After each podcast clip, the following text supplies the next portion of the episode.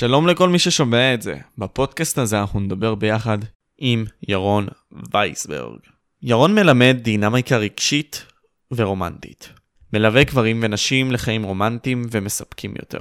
מאפשר לאנשים לחוות חיבור רגשי עם בני ובנות המין השני. וגם עימם עם עצמם. הוא מאמן, מנחה קבוצות, כותב ומרצה. בוגר קורסים והכשרות בארץ ובחו"ל. עזר כבר עכשיו למאות גברים ונשים ליצור מערכות יחסים רומנטיות מלאות יותר. בפודקאסט זה דיברתי עם ירון וייסברג על מה ההבדל בין החיזור של פעם לחיזור של עכשיו? בעיית הנשים המודרניות והפמיניזם? אי שוויון בין גברים לנשים? ולסיום, או קרוב לסיום, עד כמה מין חשוב למערכת יחסים. אז זהו, זה בעיקרון חברים. תעקבו אחרי הפודקאסט בכל הרשתות החברתיות. תודה רבה שאתם צופים, ובואו נתחיל.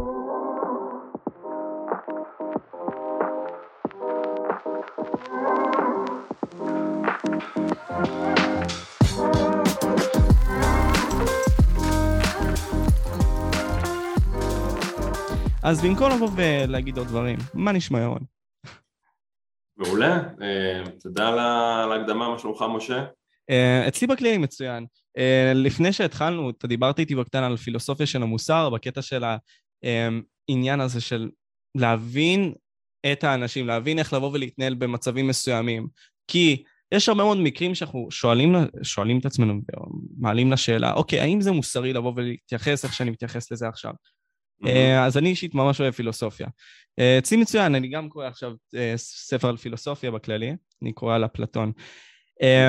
אז זה לגבי זה. אני אבוא ואשמח אבל לשאול שאלה שבאמת בתוכי עכשיו, לפני שהתחלנו את השידור גם עלתה לי. אתה יודע, אני שם לב שבעידן המודרני, יש את העניין הזה שגברים ונשים, לפחות, מה שהפעם, החיזור של פעם היה שונה לגמרי, ועכשיו הוא שונה לגמרי. אז איך לבוא ולגשת לסיטואציה עכשיו, שגבר אמור לחפש אישה, או אישה אמורה לחפש גבר? איך לגשת לסיטואציה הזאת? קודם כל, אה, אתה, אתה חושב שהוא, למה אתה חושב שזה שונה מפעם? במה אתה חושב שזה, שזה שונה? א', העניין הזה שהעידן הטכנולוגי בא ומאפשר לנו יותר אפשרויות פשוט. אני יכול עכשיו לדבר עם מישהי מארצות הברית בדוגמה בשנייה. Mm-hmm. אוקיי, אז זה דבר אחד. דבר שני, כן. בין היתר, האפליקציות האלה, שאני יכול פשוט בשנייה אחת לבוא ולהחליט אם היא מעניינת אותי או לא, בלי לבוא ולהתעמק עליה. אני יכול פשוט לבוא ולראות, אוקיי, עכשיו היא נראית לי אה, תשע מתוך עשר, בסדר? היא בביו רשום לה שהיא כזאתי וכזאתי, זהו, עברתי, אני רוצה אותה. זה נגיד מה שמבדיל לדעתי. אני אגיד לך מה, אמנם גם אני וגם אתה בעצם לא חיינו בתקופות אחרות שאנחנו יכולים להשוות עם מקור ראשון. מסכים. אבל אה, לדעתי, היות שגם, בוא נגיד ככה, גם, גם אה, מתוך, מתוקף הדעה האישית שלי וגם מתוך הניסיון שלי בעבודה עם אנשים על ספקטרום מאוד רחב של גילאים, החל מבני נוער ועד אנשים בגילאי 70 פלוס, אה, אני יכול להגיד לך שאני מוצא שיש מכנה משותף מאוד רחב בין, בין האנשים ובבעיות שהם, שהם מביאים, בקשיים שהם מביאים ובפתרונות שאני מציע להם. אז אז אני אגיד לך למה אני חושב שההבדלים ככל שיש בין נגיד אופן החיזור של היום לפעם הם שטחיים ושבפועל ברובד היותר עמוק אני לא חושב שהשתנה הרבה. למה, למה okay? אתה אוקיי? חושב ככה? כי אני אגיד לך למה. כי אני חושב שבסופו של דבר אה, אני, הכל מתחיל מכך שבסופו של... העדפות, בוא נתחיל ככה, אנחנו קודם כל מחפשים מישהו שאנחנו נמשכים אליו, משיכה זה, זה, זה, זה, זה הניצוץ הראשוני, נכון. בסדר? שממנו אנחנו ממשיכים להעמיק וליצור אינטימיות ואהבה וכולי. אה, מה, ש, מה שמייצר משיכה, מה שייצר משיכה לפני 50 אה, שנה, לפני 100 שנה, לפני 20 אלף שנה, אה, לא השתנה, גם היום, אוקיי? אז לצורך העניין אה, בוא נגיד ש... אה, בסדר, בוא נגיד שאני גבר ואני מעוניין, אה, מעוניין לחזר אחרי מישהי. בפועל כל המטרה של החיזור בעיניי היא א', ליצור משיכה, אוקיי? או בוא נגיד ככה, להפגין שאני גבר שראוי, לה, שראוי לאישה, אוקיי? זאת אומרת שיש לי את הסממנים שהיא כביכול מחפשת. הסיבה שחיזור מקושר יותר לגברים מאשר לנשים זה כי זה, זה, זה, זה מתוקף היותנו יצורים ביולוגיים שבעצם התפקיד, בוא נגיד ככה, לנשים יש יותר להפסיד. מ... וואלה, מה הכוונה בזה? יש יותר להפסיד מחיבור נקרא לזה מזיווג לא מדויק להן. אה, okay? אוקיי? נכון, אוקיי, זה, זה הגיוני.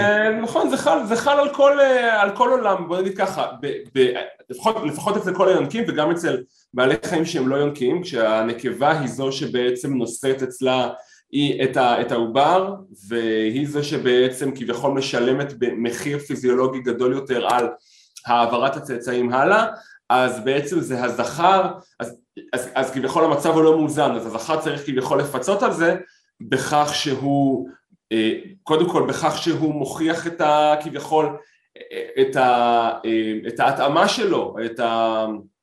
אה, נקרא לזה, את היכולת שלו לשרוד ולהתרבות. אוקיי, okay, okay? בפרקטיקה, אבל איך זה הולך? נגיד סתם עכשיו, מה, מה הגבר אמור להביא לשולחן, סתם דוגמה בקטע הזה, ומה האישה אמורה לבוא ולהביא לשולחן בקטע הזה, בפן הביולוגי? אוקיי. אמ, תראה, אז ככה. אני חושב ש...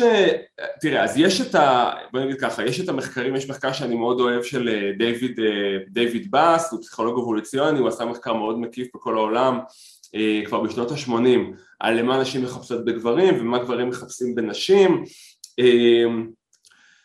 יש כל מיני פרמטרים, מן הסתם נשים מחפשות אה, גברים שהם אינטליגנטים, מחפשות גברים שיש להם משאבים כלכליים, שהם יכולים לתמוך בהם ובצאצאים, מחפשות אה, גברים בסטטוס מסוים, אבל בסופו של דבר אה, לנשים אין איזשהו, בוא נגיד ככה, אין איזושהי יכולת לאמוד את כל הפרמטרים האלה בשיחה עם גבר, על אחת כמה וכמה שלא בהתכתבות, נכון? אז... נכון, אז יפה. אז איך בכל זאת אנחנו בעצם מביאים את כל, ה, את כל המכלול התכונות האלה, שככל שאני גבר שיש לי את התכונות האלה, איך אני בעצם מפגין את התכונות האלה, את התכונות האטרקטיביות האלה בהתכתבות עם אה, בחורה. אמ, אז אחד הדברים שאני רואה שהם מאוד אפקטיביים, זה אם אני מתכתב ובהתכתבות שלי אני מראה שאני מוכן לאבד את הבחורה. מה זה אומר שאני מוכן לאבד אותה? זה אומר ש... למשל, אני, אני, אני אתן קודם דוגמה, דוגמה בעצם על, על, על השלילה, אה, כי אחד, אחד הדברים שאני רואה שהמון גברים עושים, לפחות גברים שמגיעים אליי, מתאמנים שלי, זה הם יודעים לנוע בכיוון אחד באינטראקציה עם בחורה, בתקשורת עם בחורה, גם אם, גם אם היא כתובה או, מילו, או פרונטלית, זה לא משנה, וזה כל הזמן להתקרב, זאת אומרת מה, מהמשפט הראשון? הם מחמיאים לה, כן, הם מראים לה כמה הם מעוניינים בה, כן, כמה היא באמת, אה, אה, מלכה, בחוקית, כן, אבל, אבל, הם, אה, אבל בעצם הם, הם מאוד בהיאחזות, ותראה, זה כביכול אפשר להגיד שזה אולי איזה מין טריק פסיכולוגי זול, אבל זה לא באמת ככה, כי בסופו של דבר אם אתה מראה, בוא נגיד ככה, אם אתה ננעל על בחורה, אתה בסך הכל רואה את התמונות שלה, אוקיי? וכבר אתה כל כך בטוח שאתה מעוניין להשקיע בה ואתה רוצה להיפגש איתה, אז גם אם זה לא הייתה בחורה בצד השני, גם אם זה היה גבר, באיזשהו מקום היא חושבת למה הוא כל כך מעוניין בי בלי שהוא מכיר אותי, שאלה אוקיי? טובה. עכשיו, אצלנו הגברים זה יותר, התשובה היא יותר טריוויאלית, זאת אומרת, את נראית טוב, אז כבר, כבר מתעורר בי משהו, זאת אומרת, אנחנו, אנחנו מגיבים ויזואלית בצורה הרבה יותר חזקה מאשר נשים. אז מבחינתנו הרבה פעמים המראה הוא מספיק, הוא מעורר מספיק עניין כדי שנרצה, אבל זה לא ככה אצל נשים, אז אם אתה מתנהל, זאת אומרת אם אתה מתנהל מהמקום הזה עם נשים, אז באיזשהו מקום אתה ישר אומר להם, תראי, אני לא מבין איך את חושבת, אוקיי? אני מצפה שאת תחשבי כפי שאני חושב, אבל אתה צריך, אתה צריך להבין שמבחינתה אה, קודם כל היא יודעת, איך, בגדול אם היא נראית טוב היא יודעת שהיא נראית טוב כי היא מקבלת כל הזמן משאבים לזה מהסביבה היא רוצה מבחינתה תוהה למה שהיא תצא איתך, אוקיי? והנקודה היא שזה לא החלטה רציונלית, זאת אומרת שאם בהתכתבות שלך אתה אה, מאתגר אותה, אתה שואל את השאלות קשות, אתה מנסה להבין אה, עליה כל מיני דברים כביכול אם היא מתאימה לך, לא, לא, לא, לא לעשות הצגה, אלא באמת, אלא באמת אה, לבחון אותה, ואפשר גם לרדת דוגמאות, אבל אם אתה, אם אתה מסוגל להיות בעמדה הזו שבה אתה זה שבורר, אתה בודק האם אתה באמת מעוניין בה, אם אתה רוצה לצאת לדייט, אז, אז אתה, אז, אז, מה, על מה זה מעיד? זה מעיד על זה שכביכול יש לך אפשרויות, כי אם אתה מוכן לברור אותה, אז זה אומר שאתה אתה מוכן כביכול, אתה, אתה, אתה לא נואש. אז... אז אפשרויות בכללי, כאילו, מהקטע הספציפי הזה, זה גורם ממש חשוב לגבר. זאת אומרת, אם עכשיו, סתם לדוגמה, ניקח את זה שיש לו ידידות, במקום רק כן. ידידים, זה יכול לראות כמשהו שיש לו אופציות, זה מראה אופציות, זה מראה לאותה אישה שהוא מתחבר איתה, אוקיי, עכשיו, הוא לא חייב אותי. הוא יכול גם לבוא עכשיו ולצאת עם זאתי מהאינסטגרם, שעכשיו אני רואה אותה. האם זה נקרא אופציות? כי גם יש, אני, גם אני אוסיף לזה ואגיד שבחיים האישיים שלי, יש גם הרבה מאוד מהחברים שלי בסביבה שלי אומרים לי כזה, בוא תעשה את הטריק הזה, 24 שעות, אל תשלח לזאתי שאתה מדבר איתה הודעה, כי אז אתה תבוא ובסופו של דבר תראה לה שאתה בן אדם עסוק, ויש לך זמן לבוא ולעשות לדברים אחרים ודברים כאלה.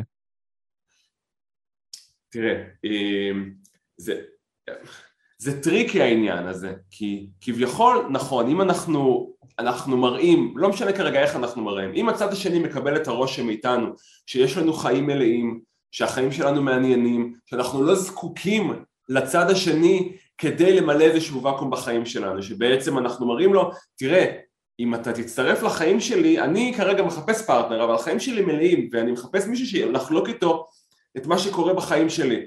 אה, ואם אנחנו מראים שכן, יש לנו אופציות ככל שאפשר להראות את זה, בין אם זה כי נכון, יש לך אולי תמונות באינסטגרם שלך שמראות על זה שאתה אה, לא יודע, עושה כל מיני דברים שהם כביכול נראים אטרקטיביים או שיש לך בחורות בחיים שלך, הדברים האלה הם, הם אשכרה, הם יכולים לעבוד, הם יכולים ליצור איזשהו רושם, הנקודה היא למה אני אומר שזה טריקי? כי יש גברים שמבחינתם זה הופך להיות עבורם חזות הכל, כלומר הם מאוד משקיעים ב- ביצירת הרושם ובאיך הם יגרמו לצד השני להרגיש ובסוף זה גורם להם להיות מאוד, זה, זה דווקא מערער אותם, זה גורם להם להיות מאוד, אה, אה, בעצם בעמדה מאוד חלשה מול הצד השני, כי בעצם הדבר, מה שהם כל הזמן בודקים זה איך הצד השני מגיב, ואז זה יכול להביא אותך עד לנקודה מסוימת, זאת אומרת, אבל יש איזו תקרת זכוכית שבעיניי היא די נמוכה, כי ברגע שכבר תגיע לאינטראקציה של אחד על אחד, אז הבלוף שלך ייחשף, זאת אומרת... אה, הבסיס שלך הוא שבור. הבסיס הוא שבור. בדיוק, בדיוק. זה יהיה מאוד ניכר שאתה מאוד תגובתי לצד השני ושאתה מחפש את האישור. אז, אה, אז אני חושב שבסופו של דבר, כן, זה נכון, בוא נגיד ככה, אם אתה, אם אתה רוצה להתחיל עם אה, בחורות אונליין, כן, בין אם זה באינסטגרם או בפייסבוק, אז יהיה לך יותר קל אם הפרופיל שלך אם תהיה אקטיבי בפרופיל שלך, יש כאלה שהם לא, לא אקטיביים בכלל, בקושי מעלים תמונות, אז, אז זה קשה, אוקיי? אז סבבה, אז, אז זה באמת יותר, זה יותר מקשה ליצור קשר שם, כי זה, אתה יודע, אם אתה רוצה להתחיל בפלטפורמה הזאת, אתה צריך לחיות בה, אתה רוצה להיות בה, כן?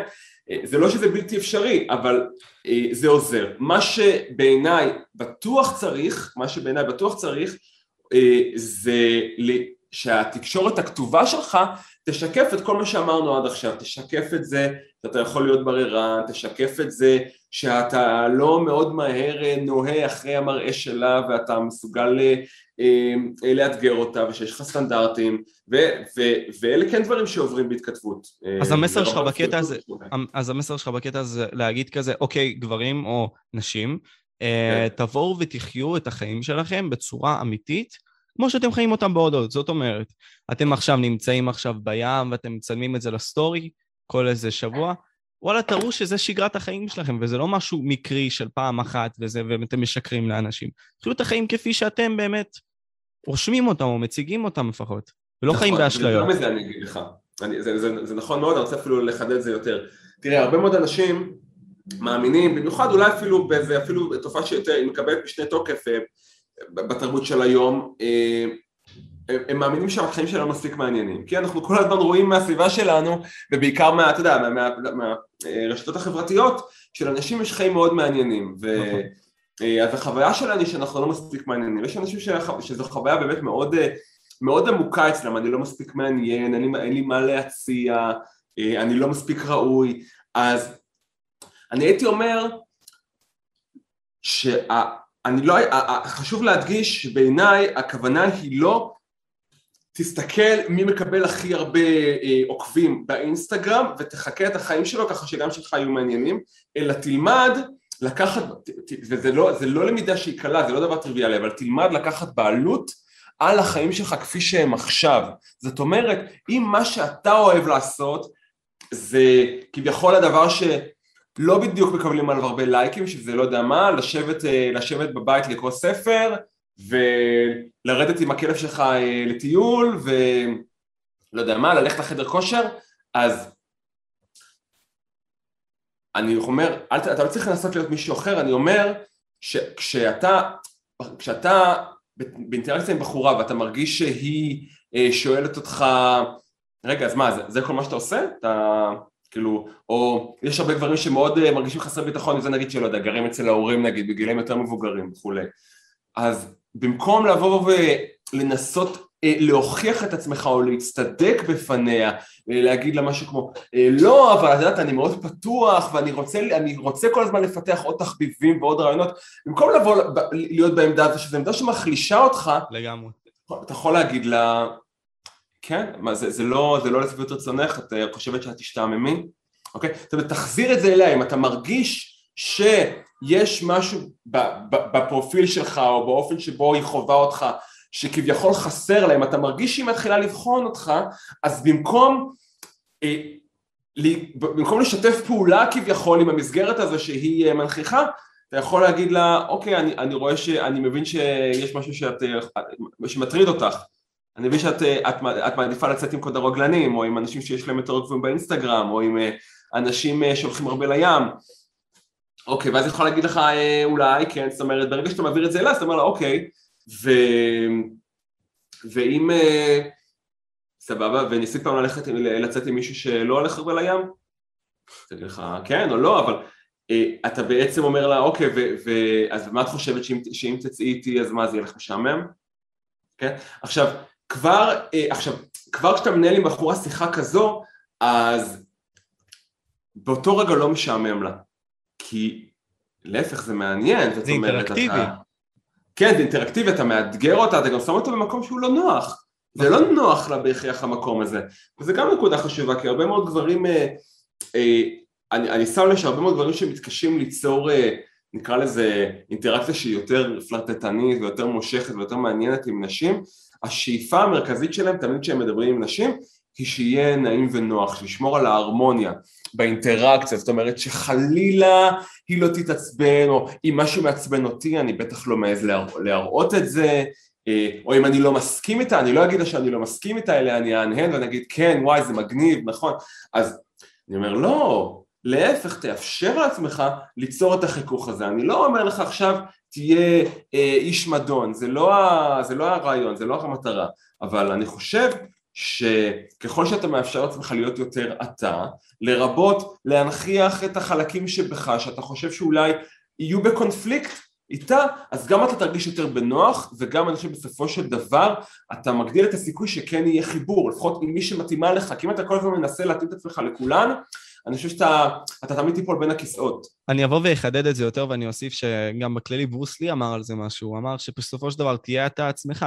תנסה להביע את עצמך בצורה הכי מקסימלית שאתה יכול, ותאמין בעצמך, ואל תנסה לבוא ולחכות אנשים מוצלחים אה, ולהעתיק מהם. Mm. פשוט, כמו שאתה אמרת, פשוט לבוא ולבנות את הבסיס שלך, לבוא ולהגיד כזה, אוקיי, עכשיו, אני, אני יודע שיש לי בעיה פה, אני יודע שיש לי בעיה שם, אבל אוקיי, בסדר, אני אסתדר עם זה, מהסיבה הפשוטה שאני רוצה לבוא ולהצליח להגיע למטרה כזאת וכזאת.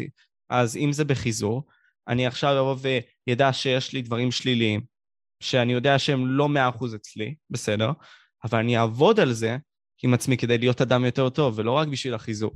כי בסופו של יום, אנחנו לא חיים רק בסופו של יום חיים משפחתיים או חיים... אנחנו חיים חיים, את החיים בסופו של דבר. נכון. כל החיים בכללותם, אז אני חושב שזה מאוד חשוב לבוא ולהעביר את זה. אבל בין היתר, גם בקטע הספציפי הזה, יש עוד בעיה שבאתי והעליתי בעניין המודרני הזה שלא העליתי לפני זה. אתה יודע, כל העניין הזה של, ככה אני חושב לפחות, ואני אשמח שתתקן אותי, הנשים המודרניות, אני, אני מניח ששמעת את האמרה הזאת, נכון? אוקיי, אז אנשים המודרניות, העניין הזה שאנשים אה, בעידן הנוכחי קראו את הספר הארגמן הסגול והרבה מאוד דברים כאלה, ופתאום הלכו לפמיניזם, הלכו לעניין הזה של אוקיי, אני אישה שלוקחת ערכים יותר גבריים, ואני מרשה לגבר לבוא ולהיות יותר רכרוכי.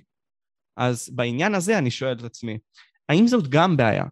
האם הבעיה עצמה שהגבר נעשה יותר רכרוכי והאישה נעשית יותר גברית, האם זאת בעיה במערכת יחסים? תראה, אני חושב ש...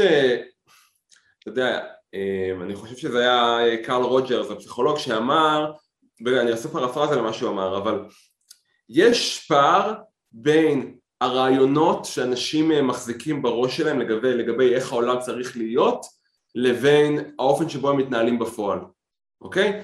וגם אה, פיאז'ה, הפסיכולוג ההתפתחותי, אז הוא אמר שבעצם האופן שבו אנחנו מפתחים את הקוגניציה שלנו זה לא top down, זאת אומרת זה לא קודם אנחנו נחשפים לרעיונות שנראים לנו אה, נכונים ואז אנחנו אה, מתנהלים או מתנהגים באופן שמיישם את הרעיונות האלה, אלא בדיוק הפוך, זאת אומרת הקוגניציה שלנו נבנית bottom אה, up, כלומר היא נבנית דרך ההתנהגות.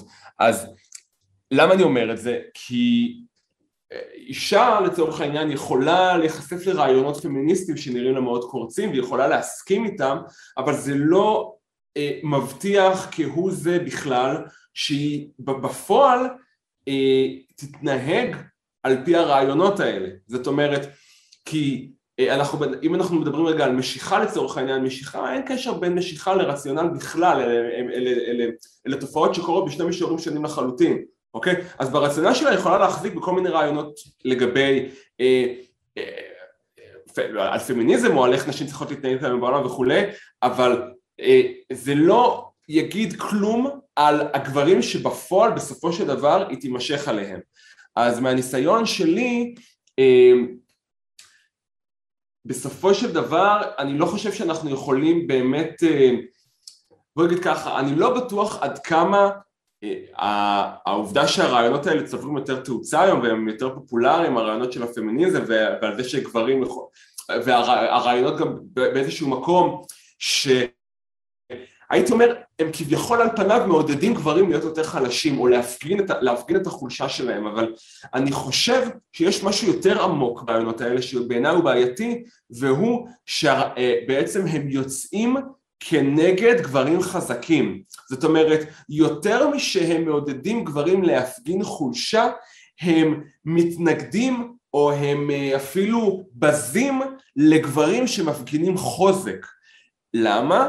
כי מראש אה, אה, הרעיונות האלה יוצאים מנקודת הנחה שהחוזק הזה שהגברים מפגינים הוא מושתת על מערכת שהיא אה, מושחתת, כלומר, נכון. אה, אה, כלומר אם, אם גבר, מה זה אומר גבר חזק? זה אומר שהוא בעצם, הוא נמצא מדורג גבוה בהיררכיה של הגברים או בהיררכיה הקיימת בכלל בחברה. ההיררכיה הזו על פי התורה הפמיניסטית, או חלק מהרעיונות הפמיניסטיים, זו, היא נקראת פטריארכיה, כן, במילה פטריארכיה יש למילה היררכיה בעצם, והפטריארכיה על פי הרעיונות האלה הפמיניסטיים היא, היא מושחתת, זאת אומרת היא רקובה מן היסוד ולפיכך צריך לפרק אותה וכביכול ליצור היררכיה אחרת או להשטיח את ההיררכיה בכלל שלא תהיה היררכיה. אבל זה לא יוצר פה בעיה מסיבה אחת, אה, לדעתי לפחות. כן. ממה שאני שם לב, אותן נשים, וכשאני אומר אישה מודרנית, אני גם מתכוון לאישה שרוצה גם קריירה מוצלחת, אמ, mm-hmm. חיי, חיי נישואים מוצלחים וכאלה. הכוונה היא גם, יש את הנשים שאם ניקח את הרובד הפמיניסטי, שמחכות לכך שהגברים, נגיד סתם 50 שנה יהיו בהולד, והם יהיו עיקרי השוק, לא הגברים. זאת אומרת, הגברים בינתיים יבואו וינסו לעשות משהו, בזמן שהם יבואו ויחליפו אותם, על מנת לבוא ולהפוך את השוק לשלהם. וזה לדעתי בעיה גם, כי אי אפשר לבוא ולהחליף את העולם ולשנות אותו בצורה כזאת רדיקלית, זה גם יכול ליצור הרבה מאוד בעיות, לדעתי. אה, אני אגיד לך מה, יש משהו שאני חושב שהרעיונות. תראה, אני לא חושב שיש מישהו מישהו בר דעת שמתנגד לשוויון הזדמנויות בין אנשים בכלל, בפרט בין גברים לנשים. מסכים. נכון, וגם, וגם כל הראיות, הראיות מעידות על כך שככל שבמדינות יש יותר שוויון הזדמנויות וככל שמדינות מאפשרות לנשים לצאת יותר לשוק העבודה ולהשתלב, כך, אה, הן, ככה, ככה פריון במדינות האלה עולה. אז, אה, אז אני חושב שזה, אני חושב שבסך הכל זו מגמה מצוינת ואני, ואני אני בעד שהיא, שהיא, שהיא תימשך, אבל אני חושב שבאיזשהו מקום הפמיניזם נקרא לזה מתבלבל, או נשים, אנשים מסוימים, גם גברים וגם נשים, באיזשהו מקום קצת מתבלבלים בין שוויון הזדמנויות לשוויון של תוצאה, אוקיי? עכשיו, למה? כי, כי מה שהם, אני, אני בעיניי, זה אבסורד בעיניי, אבל אני חושב שבאיזשהו מקום הם עדיין לא הפנימו שנשים וגברים הם לא אותו דבר.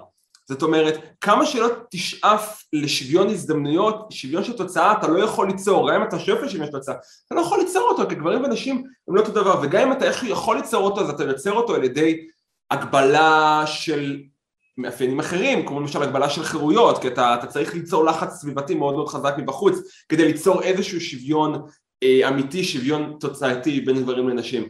אז אני לא, אני לא רואה איך הפמיניזם נותן מענה לעובדה שבסופו של דבר נשים יש נשים שרוצות להביא ילדים, ורוב הנשים, אני חושב, רוצות, מעוניינות להביא ילדים, ויש להן חלון הזדמנויות צר. נכון. ו... אה, אז אתה יודע, זאת אומרת, ו- ואני חושב שאין ספק שאימהות, אפשר להגיד אולי נפגעות מכך שהן אלו שנושאות את התינוק ברחם, ו... כן, ויכול להיות שההיריון והלידה וחופשת הלידה אה, מעכבת אותם, זאת אומרת, אה, זה, בוא נגיד ככה, עד, עד שנשים יולדות, אין הבדל בין גברים לנשים בשוק העבודה, אוקיי? זאת אומרת, ההבדל, ההבדל מתחיל אה, אחרי שבעצם, ההבדל הוא בין אימהות לבין לבין שאר העובדים. בסדר, אבל גם הנקודה היא, ש... הנקודה היא ש... צריך להבין שזה זה לא בהכרח אומר שזה נכפה על הנשים האלה, המצב הזה. זאת אומרת, אם אישה מעוניינת להביא ילדים, אז היא בוחרת בזה, ולגברים גם יש בחירות אחרות שהם נאלצים לעשות, שנשים לא נאלצות לעשות. אז, ואתה יודע, זאת אומרת, להסתכל על זה כהחברה מכריחה נשים להביא ילדים, והחברה היא זו שלא מאפשרת להן להגיע לאותם מקומות כמו גברים, זה... זה בעיניי קצת פשטני וזה לא מדויק. נכון. אני חושב שיש כן. כי זאת היא הנקודה יש... שלי בסופו של דבר, שאנחנו חיים עכשיו, וזה מאוד ניכר, בעולם שמנסה לדמות אוטופיה מסוימת, שהיא לא בהכרח קיימת בהרבה מאוד מהמקרים. אז העניין הוא כזה שפשוט אנחנו יותר מדי חומקים מהעובדות ומהדברים הביולוגיים שבאמת אנחנו יצרנו, דוגמה, הטרנסג'נדרים באולימפיאדה, לדעתי, זה לא דבר נכון לבוא ולעשות, כי בסופו של יום נשים נולדות כנשים ומנסות לבוא ולחיות את החיים שלהם, ופתאום מגיע טרנסג'נדר שמקבל אה, בגיל ההתבגרות מנות מסוימות של אה, עצמות יותר מפותחות וכאלה, והוא ביתרון עצום יותר. ובסופו של יום אנחנו מסתכלים על העולם בצורה מאוד אוטופית ולא הגיונית. עכשיו, אני לא אומר שאישה לא חייבת להיות עצמאית, ולא חייבת להיות אה, אחת כזאת שמנסה ליזום וללכת לעבודה מאוד מדהימה וחזקה ולהיות האישה הזאתי. לא, אני לא אומר את זה. אבל מנגד לכך, אני חושב שיותר מדי נשים לוקחות על עצמן.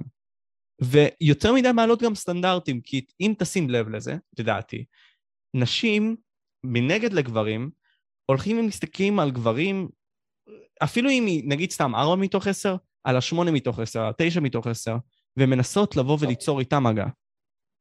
נכון. ואז פה אין שוויון, כי גם ככה אין שוויון, כי יש, נגיד סתם במדינות המערב, בין גיל, גילאי 18 עד 29, 105 גברים ל-100 נשים. אז אין שוויון מההתחלה גם. שוב, מה, מה זה הנתון הזה? תחזור על עבודה. אוקיי, אז אני אחזור לנתון. Uh, במדינות המערביות בעצם, uh, מגילאי 18 עד 29, יש 105 גברים ביחס ל-100 נשים. Mm. אוקיי. אני אשים אז... את המחקר הזה גם בתיאור למי שרוצה לראות. וואלה, אז אתה אומר, ש... אתה אומר שבעצם uh, האנשים הן, uh, הן, uh, הן ביתרון, כי יש להם יותר אופציות. נשים יותר ביתרון כי יש להם יותר אופציות מהיסוד, כן, ככה אני מסתכל על זה. כי בסופו של יום, תסתכל על זה ככה, אין מחליטות על חיי המין. זה, זה, זה ברור דווקא.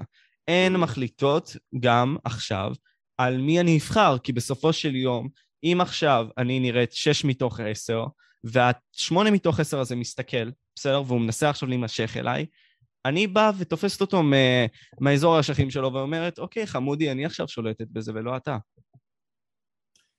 אז תראה, אני מסכים. אמ, אתה יודע, אני, גם אני אה, קראתי בזמנו על כך שאתה מכיר את אה, אה, מדד, מדד ג'יני לאי שוויון בשוק, בשוק? בכל זאת תסביר אותו לצופים שלנו, כן. נראה לי שאני מכיר, אבל בכל זאת תסביר. אז, אז זה לא שזה, אז ככה, אז בגדול זה מדד, ש, זה, זה, זה מדד שבוחן אי שוויון בשוק, בשוק אי שוויון כלכלי, כן? זאת אומרת, אז, אז אז השתמשו במדד הזה כדי לתאר את, ה, את השוק המיני, זאת אומרת את, את אי השוויון, את אי השוויון בשוק המיני אצל, אצל גברים ואצל נשים. Okay. אוקיי. אז לצורך העניין,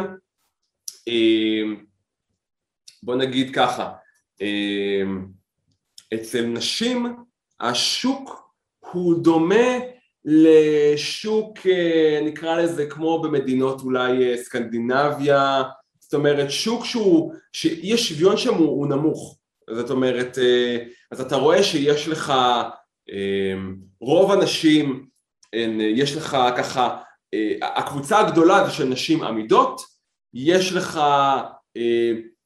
כמה מיליונריות ויש מעט מאוד נשים שהן חסרות כל, אוקיי? זאת אומרת חסרות כל, זאת אומרת שאין להן כביכול גישה לעולם המיני אבל זה באמת ממש מעט. לעומת זאת מה שאתה רואה אצל גברים זה שאצלם השוק הוא הרבה יותר לא שוויוני, זאת אומרת יש לך שכבה מאוד גדולה של גברים שהם בתחתית, בתחתית זאת אומרת אין להם אפילו דריסת רגל בשוק המיני, זאת אומרת הם באפס, זאת אומרת אם אתה מסתכל על הגרף, זאת אומרת אתה אומר יש לך מלא, שכבה מאוד גדולה כאילו של גברים באפס אפס אפס אפס אפס ואז יש לך בקצה שכבה קטנה של מיליארדרים, נכון, okay? כן? אז עכשיו אני מקצין אבל כשאתה מסתכל על אי שוויון בקיצון שלו אז ככה זה נראה. עכשיו אצל גברים זה לא רחוק מזה, זאת אומרת יש לך שכבה מאוד גדולה כאמור של גברים שהם אין להם, אין להם בכלל אה, באמת כאמור דריסת רגל לשוק של הדייטים, יש לך כמה, אה, יש לך שכבה נוספת של גברים שהם אה, בסדר נגיד, כן, מעמד ביניים, ויש לך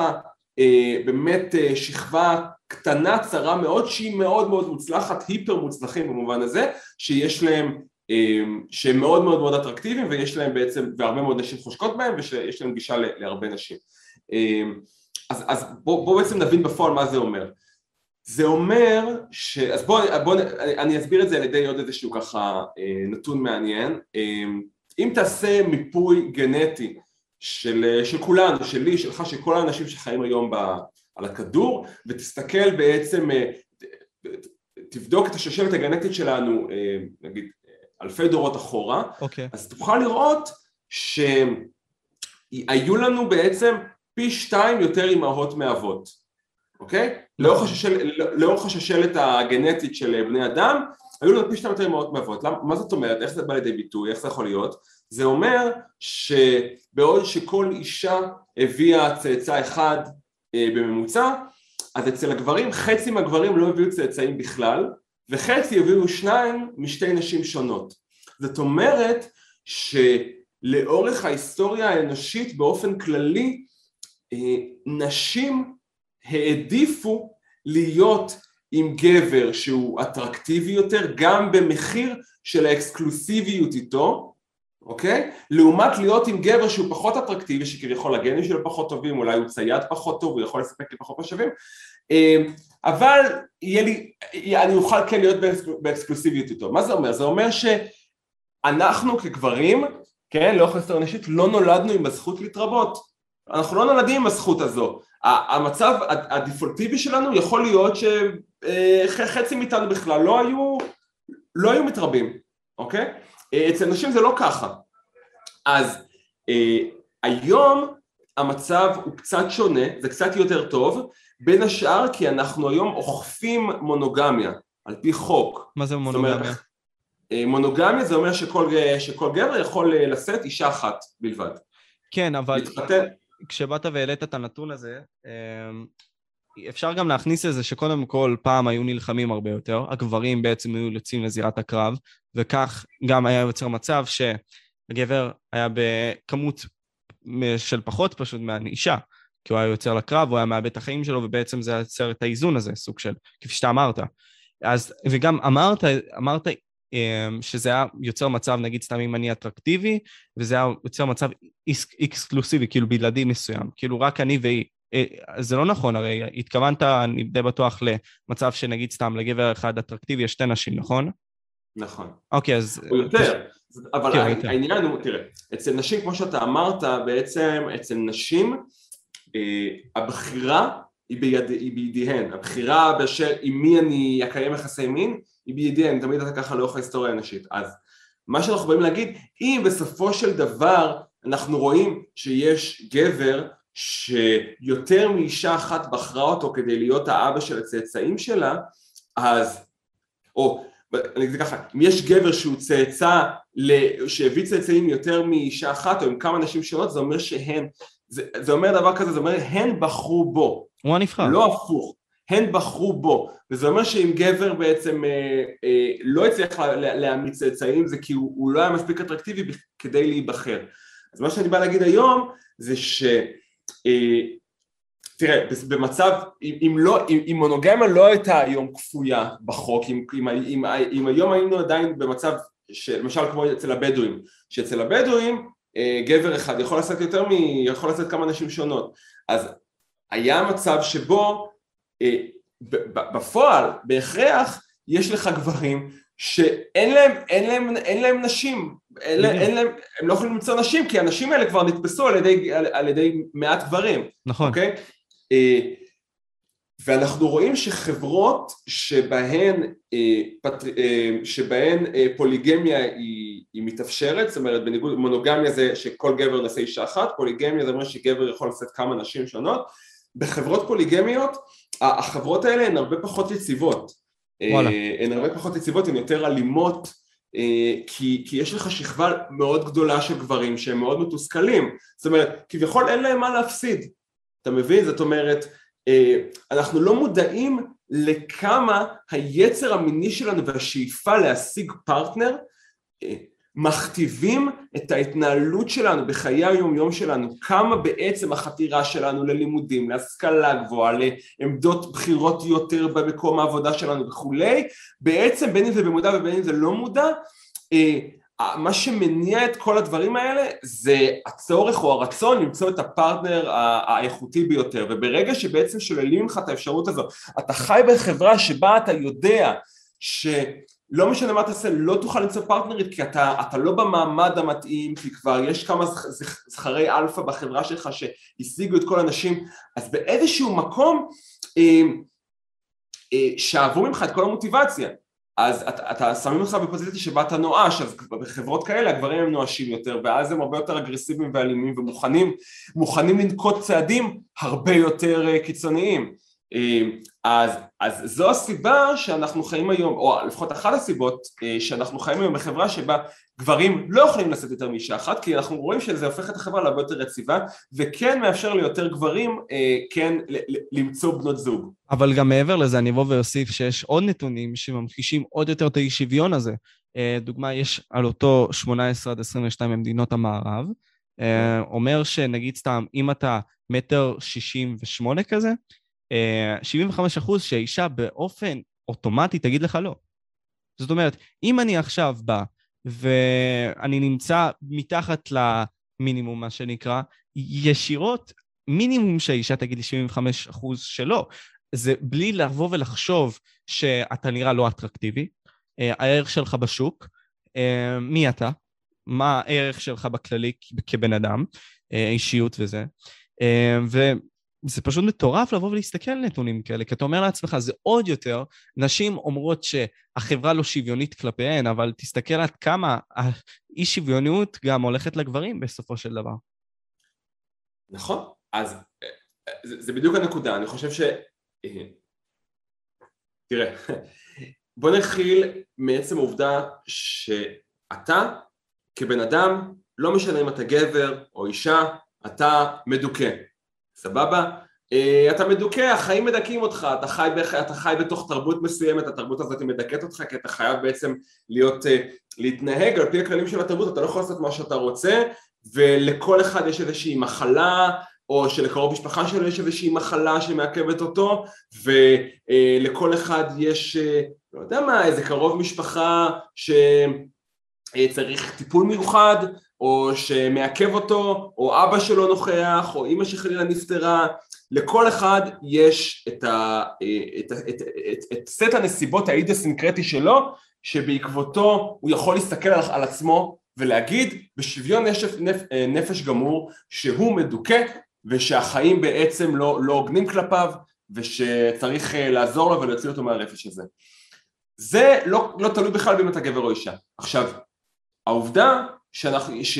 אה, עכשיו, יש, העובדה שיש הבדלים בגברים, בין גברים לנשים, ויש הבדלים, אנחנו שנינו יוצאים מנקודת ההנחה הזו, אומרת שההתמודדויות, האתגרים, וכן, אי השוויונות שגברים ונשים חווים, הם שונים. אז כמו שאמרת, אז בדיוק כמו שאמרת, אה, אצל גברים חווים אי שוויון אה, ניכר אה, לעומת נשים בתחום המיני.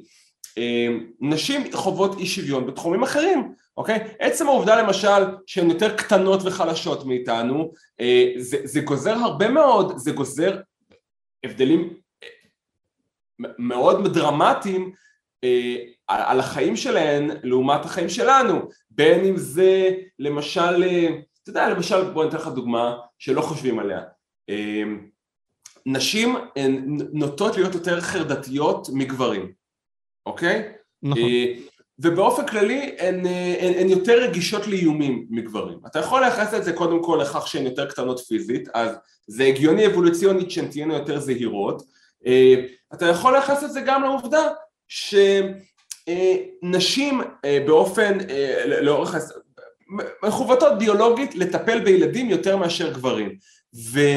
אה, אנחנו רואים שכדי לטפל בילד זה עוזר לך להיות מאוד רגיש לסכנות. זאת אומרת, יש תיאוריה מאוד מעניינת ששמעתי, שבעצם הסיבה שנשים הן הרבה יותר רגישות לסכנות זה לאו דווקא כי הן יותר פגיעות ויותר קטנות מגברים, אלא משום שמערכת העצבים שלהן מכוותת להיות מותאמת לזו של התינוק, זאת אומרת, לכל, ואתה רואה את זה שאימהות הרבה יותר זהירות באופן שבו הן משחקות עם התינוקות שלהן לעומת אבות. נכון. הן הרבה יותר ערניות לסכנות שיש מסביב. אמ, אז תגיד, זה, זה פייר, זה לא פייר, למה נשים צריכות, למה נשים צריכות להיות יותר חרדתיות מגברים?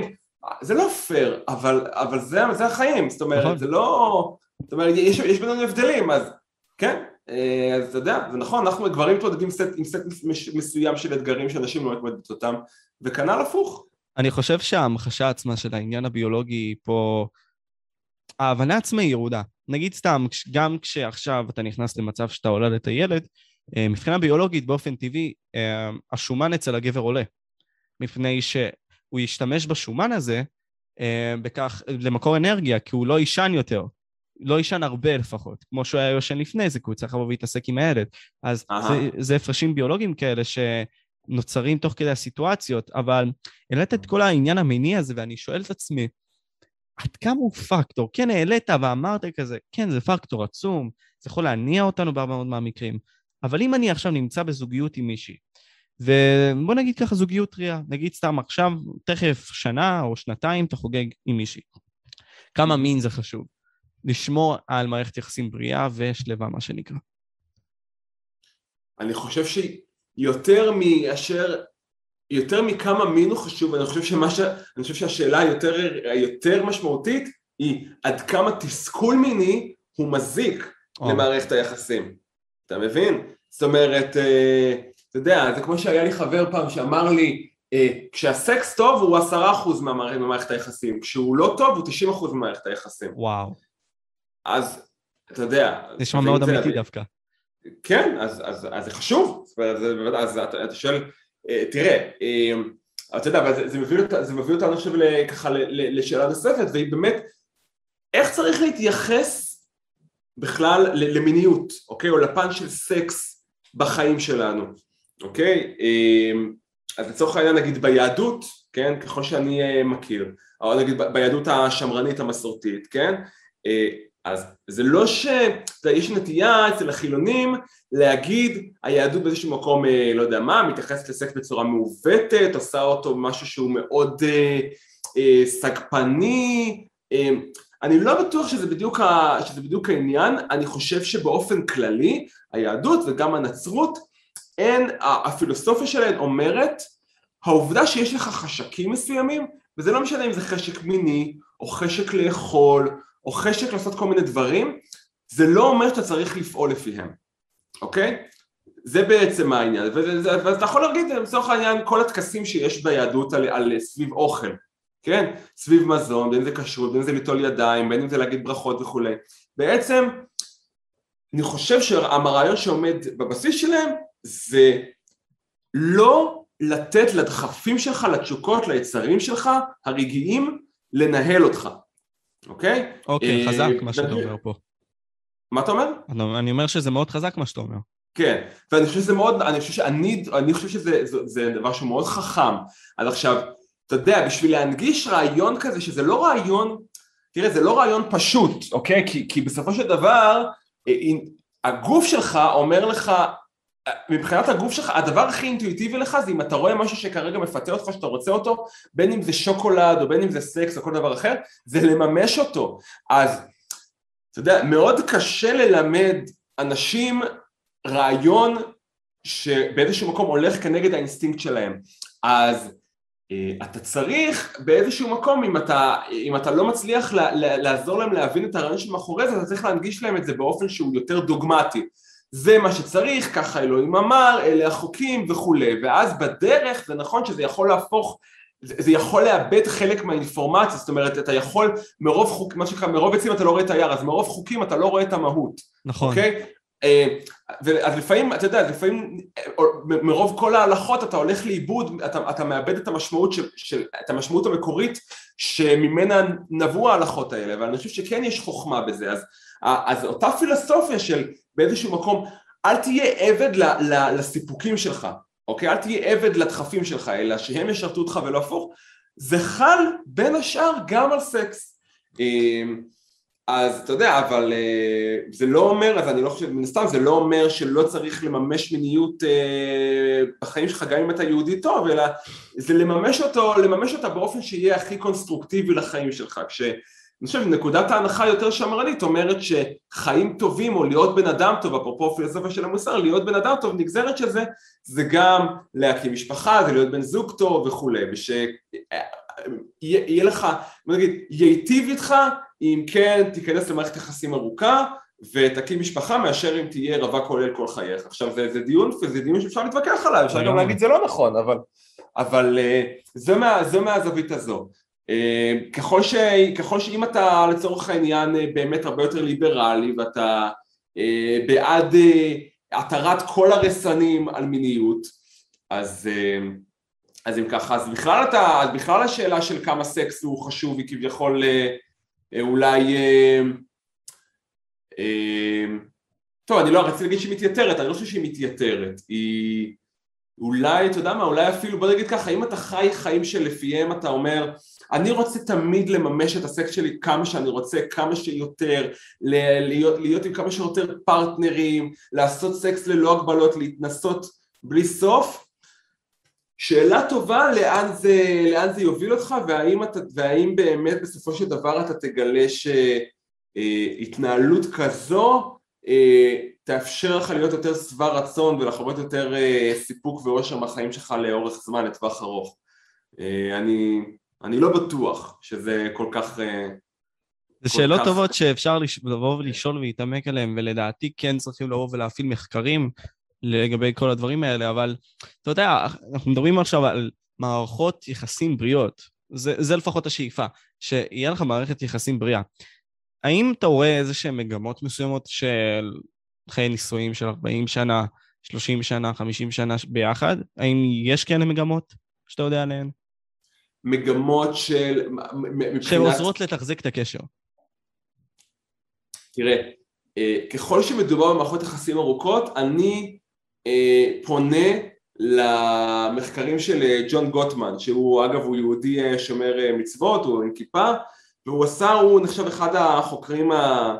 אחד הפסיכולוגים הכי חשובים ב, נגיד ברבע האחרון של המאה העשרים והוא עשה מחקר מאוד מעניין שבו הוא לקח זוגות, הוא שם אותם בסוג של מעבדה, הוא אה, שם אותם בתוך מין איזה בית עם מצלמות, סוג של האח הגדול אבל הרבה יותר אינטנסיבי, הוא עשה להם בדיקות דם כל כמה זמן, הוא עשה להם בדיקות שתן כדי לבדוק בעצם את הפרופיל ההורמונלי שלהם וכולי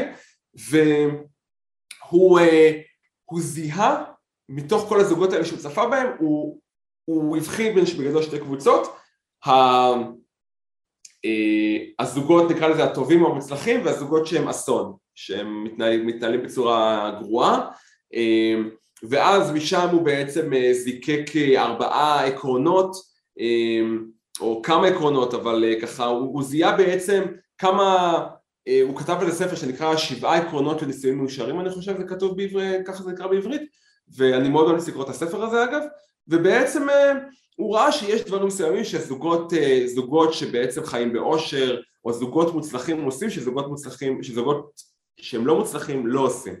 אמ, לצורך העניין בוא נדבר נגיד על משהו שהוא אה, על משהו מעניין אחד שהוא ככה פחות נקרא לזה אינטואיטיבי אמ, על, על מריבות, אוקיי? אז קודם כל כל הזוגות רבים בין אם אתה זוג מוצלח או זוג לא מוצלח כל הזוגות רבים אמ, מה שמתברר, אה, בוא נגיד ככה, אה, יש איזה מין אה, דעה רווחת שהדרך הנכונה לריב היא על ידי כך שאתה בעצם נותן לפרטנר שלך להוציא את כל התסכול, את כל הרפש ואתה מקשיב ולכל היותר כשאתה מדבר אתה בסך הכל משקף לו את מה שהוא אומר. אז אם בת הזוג שלך אומרת לך אתה אף פעם לא עושה כלים ואתה לא מתייחס אליי ואתה לא אכפת לך מכלום חוץ מעצמך ותה תה תה תה תה תה אז מה שאתה צריך לעשות זה לשמור על רוגע ולהגיד לה אוקיי אני שומע שאת אומרת שאני לא עושה כלום ולא אכפת לי מאף אחד. בפועל אה, זה לא ממש עובד כי אתה צריך להיות באמת איש עם עצבי ברזל כדי להיות מסוגל לנהל ככה ריב עם אשתך, אוקיי? אבל מה שהוא שם לב אליו זה שהזוגות הטובים בכלל לא מנהלים ככה ריבים, הזוגות הטובים יכולים לצעוק אחד על השני ולהוציא עצבים, אבל מה שיפה לראות זה איך הם משלימים. הזוגות הגרועים הם, הם לא ממש משלימים, הם רבים, צועקים אחד על השני ויש שם איזשהו פיצוץ שאין לו התרה, זה נשאר שם ברקע לאורך הרבה מאוד זמן, לאורך כמה ימים. לעומת זאת, אצל הדגות הטובים, הם צועקים אחד על השני ויכולים להתעצבן, אבל אז איזה מישהו, לא יודע מה, יקרוץ לשני, יעשה לו איזה פוק, יצבוט אותו, יחייך אליו, וכאילו באותו רגע הכל, הכל נעלם, אוקיי? אז זאת אומרת, הם, מאפשר, הם, הם כביכול צועקים אחד על השני, אבל מה, ההבדל ביניהם, למה הם מסוגלים בן רגע לעבור מריב לאיזשהו מקום ככה יותר רגוע וכאילו לסלוח ולשכוח ולעומת זאת יש זוגות שזה נשאר אצלם הרבה מאוד שעות או אפילו ימים. ההבדל הוא שהזוגות הטובים באופן כללי אה, כמות האינטראקציות החיוביות, החיוביות ביניהם היא גבוהה, זאת אומרת הריבים האלה מונחים על מצע של רגש חיובי בסך הכל ושל הבנה וחום אחד כלפי השני, אבל אם לעומת זאת יש לך זוג ש... גם ככה יחסים טעונים ומאוד כבר, כבר העצבים שלהם חשופים והם מאוד רגישים לצד השני, זאת אומרת לכל מיני מחוות קטנות שהצד השני עושה שמעצבנות אותם, אז כל ריב יכול לגרום לפיצוץ. אה, אז מה שהוא אומר, אם אני יכול, אם אני אזקק רגע את את כל התיאוריה שלו לדבר אחד שככה נוהגים, נוהגים לצטט אה, מהמחקרים שלו, זה שיש יחס, נקרא לזה יחס זהב, בין אינטראקציות חיוביות לאינטראקציות שליליות, אצל זוגות. והיחס הזה הוא חמש לאחת. זאת אומרת חמש אינטראקציות חיוביות על אינטראקציה שלילית אם יש לך פחות מזה ויש לך ארבע חיוביות על אחת או שלוש על אחת זה כנראה יעיד על זה שלא תחזיקו כי זה אומר שיש יותר מדי אה, קושי וחיכוך אה, ומצוקה בקשר. אז אתה צריך יחס של חמש לאחת אבל הדבר המעניין הוא שאם היחס הוא גבוה מדי זאת אומרת אם היחס לאינטראקציות נגיד 11 לאחת אם אני זוכר נכון, זאת אומרת 11 אינטראקציות חיוביות על אינטראקציה שלילית אחת זה גם לא טוב, זה גם יכול להוביל לפרידה כי זה מעיד על זה שמשהו אצלכם שאתם כנראה הולכים, הולכים על קליפות ביצים אם אתם לא רבים בכלל ואם אתם אה, לא, אם אין לכם מספיק חיכוך, או יותר מזה, אנשים מחפשים אתגר גם, זאת אומרת, הם מחפשים שהפרטנר שלהם לא רק תמיד יהיה לצידם, אלא מחפשים עזר כנגדם. הם כן. מחפשים מישהו שיכול לתת להוכיח. אותם כשצריך. דוגמה, אם הם לא, בדיוק. לא מתנהגים בדיוק. עכשיו בסיטואציה בצורה טובה, אז כזה, סתם דוגמה, הם עכשיו רבים בשולחן אוכל מול חברים בצורה פומבית, אז כזה הפרטנר אומר לו, אוקיי, לא התנהגת טוב, זה משהו שכן בריא בסופו של דבר, אבל נכון. לא מול כולם, בצד, כאילו, מן הסתם לדעתי, אבל זה כבר נכון, משהו אחר. דוגמה מצוינת בעיניי, נכון. אה, אתה יודע, חשוב לי רק, אה, משה, אתה יודע, דיברנו, כביכול הצגנו איזו תמונה קצת פסימית, אה, לפחות, לפחות לגברים, אולי גם לנשים, על, על הסיכוי שלהם, אתה יודע, דיברנו על, אתה יודע, הצגנו איזה מין תמונה כזאת מאוד נוקשה ואכזרית לגבי שוק הדייטים, אם אין לך את הנתונים, אז אתה יודע, אתה תהיה נמוך בהיררכיה, ו- ולא יהיה לך בהכרח סיכוי, ואתה יודע, חשוב לי כן אולי, אתה יודע, להציג את צד- את איזשהו, להציג. את זה באור טיפה שונה, כי אתה יודע, אני עובד עם הרבה מאוד גברים, אני חושב ש... אה, אני אגיד ככה, יש איזושהי נקודת איזון בין השאיפה לשפר את עצמנו ולשאוף כל הזמן לעלות בהיררכיה ולפתח את עצמנו ואני לא אומר שאם לצורך העניין היום המצב, הכלכלי שלך לא טוב אם תשפר את המצב הכלכלי שלך כן זה יכול לעזור לך אה, זה, יכול, זה עשוי לעז- לעזור לך להשיג בת זוג. לא, גם, גם באופן ישיר, כי כן, יהיה לך יותר אמצעים ותהיה יותר אטרקטיבי, אבל גם כי אתה תרגיש טוב יותר, אתה יהיה לך יותר ביטחון עצמי ביחס לעצמך, אתה תהיה יותר רגוע, כי ככל שיש לך יותר אמצעים כלכליים, אתה במידה מסוימת, כן, אתה, אתה, אתה, יש, יש פחות דברים שהם בעיות קיומיות שמציקות לך, אז אני אומר, צריך למצוא את האיזון בין אה, שיפור אובייקטיבי בפועל, שאני חושב שהוא כן חשוב, לבין משהו לא פחות חשוב, וזה היכולת שלנו להיות, לקבל את עצמנו ולהשלים עם עצמנו, כי, וזה גם לא פחות חשוב ומהותי אה, לאנשים שהמטרה המטרה שלהם היא ליצור זוגיות, כי אני חושב ש... אה, קודם כל זה אטרקטיבי, בוא, נתחיל מזה, אם אתה כגבר מסוגל לקחת בעלות על מי שאתה, לא משנה מה. מה, מה העובדות האובייקטיביות שלך, מה שמשנה זה איך אתה מספר את הסיפור שלך, זה מה שאני אומר הרבה למתאמנים שלי. אתה, יש, אתה, יש לך גובה מסוים, אתה, יש לך אמצעים כלכליים מסוימים, אתה, יש לך השכלה מסוימת, סבבה? אלה, אלה עובדות. אבל בין העובדות האלה לבין להגיע למסקנה של אני לא ראוי, אף אחד לא תרצה אותי, אין לי מה להציע, אין לי על מה לדבר, אני לא מספיק מעניין, יש פער עצום, אין, אין, אין באמת קשר בין הדברים האלה, אתה יכול ללמוד לספר את הסיפור שלך אחרת, ועל זה אני גם עובד עם אנשים, גם עם גברים וגם עם נשים, היה חשוב רק לחדד את זה, כי, כי בעצם אני חושב שבאופן שבו אנחנו מספרים את הסיפור שלנו, יש המון, המון פוטנציאל, ואתה יכול ללמוד לספר את הסיפור שלך אחרת, אתה יכול ללמוד אה, לקחת בעלות על המקום שאתה נמצא בו, במקום להיות במקום שבו אתה, אתה מסתכל על הנסיבות שלך כעל אה, אה, רצף של אירועים אה, מצער שהוביל אותך למקום שאתה נמצא בו ואתה בעצם קורבן של החיים וכולי, אתה יכול ללמוד להסתכל על המציאות שלך אחרת, להגיד אוקיי זה המקום שאני נמצא בו, חלק מהדברים היו בשליטתי, אני הבאתי את עצמי לשם, אולי עשיתי בחירות לא נכונות, אני לוקח על זה אחריות ואני עובד על זה, חלק, מה, חלק מהסיבות שהובילו אותי לפה הן לא באחריותי וחשוב גם לדעת את זה, אוקיי? חשוב, מה שנקרא, חשוב שאנחנו לא נוקיע את עצמנו לעד על דברים שהם גם לא היו באשמתנו ולא, ולא באחריותנו, אוקיי?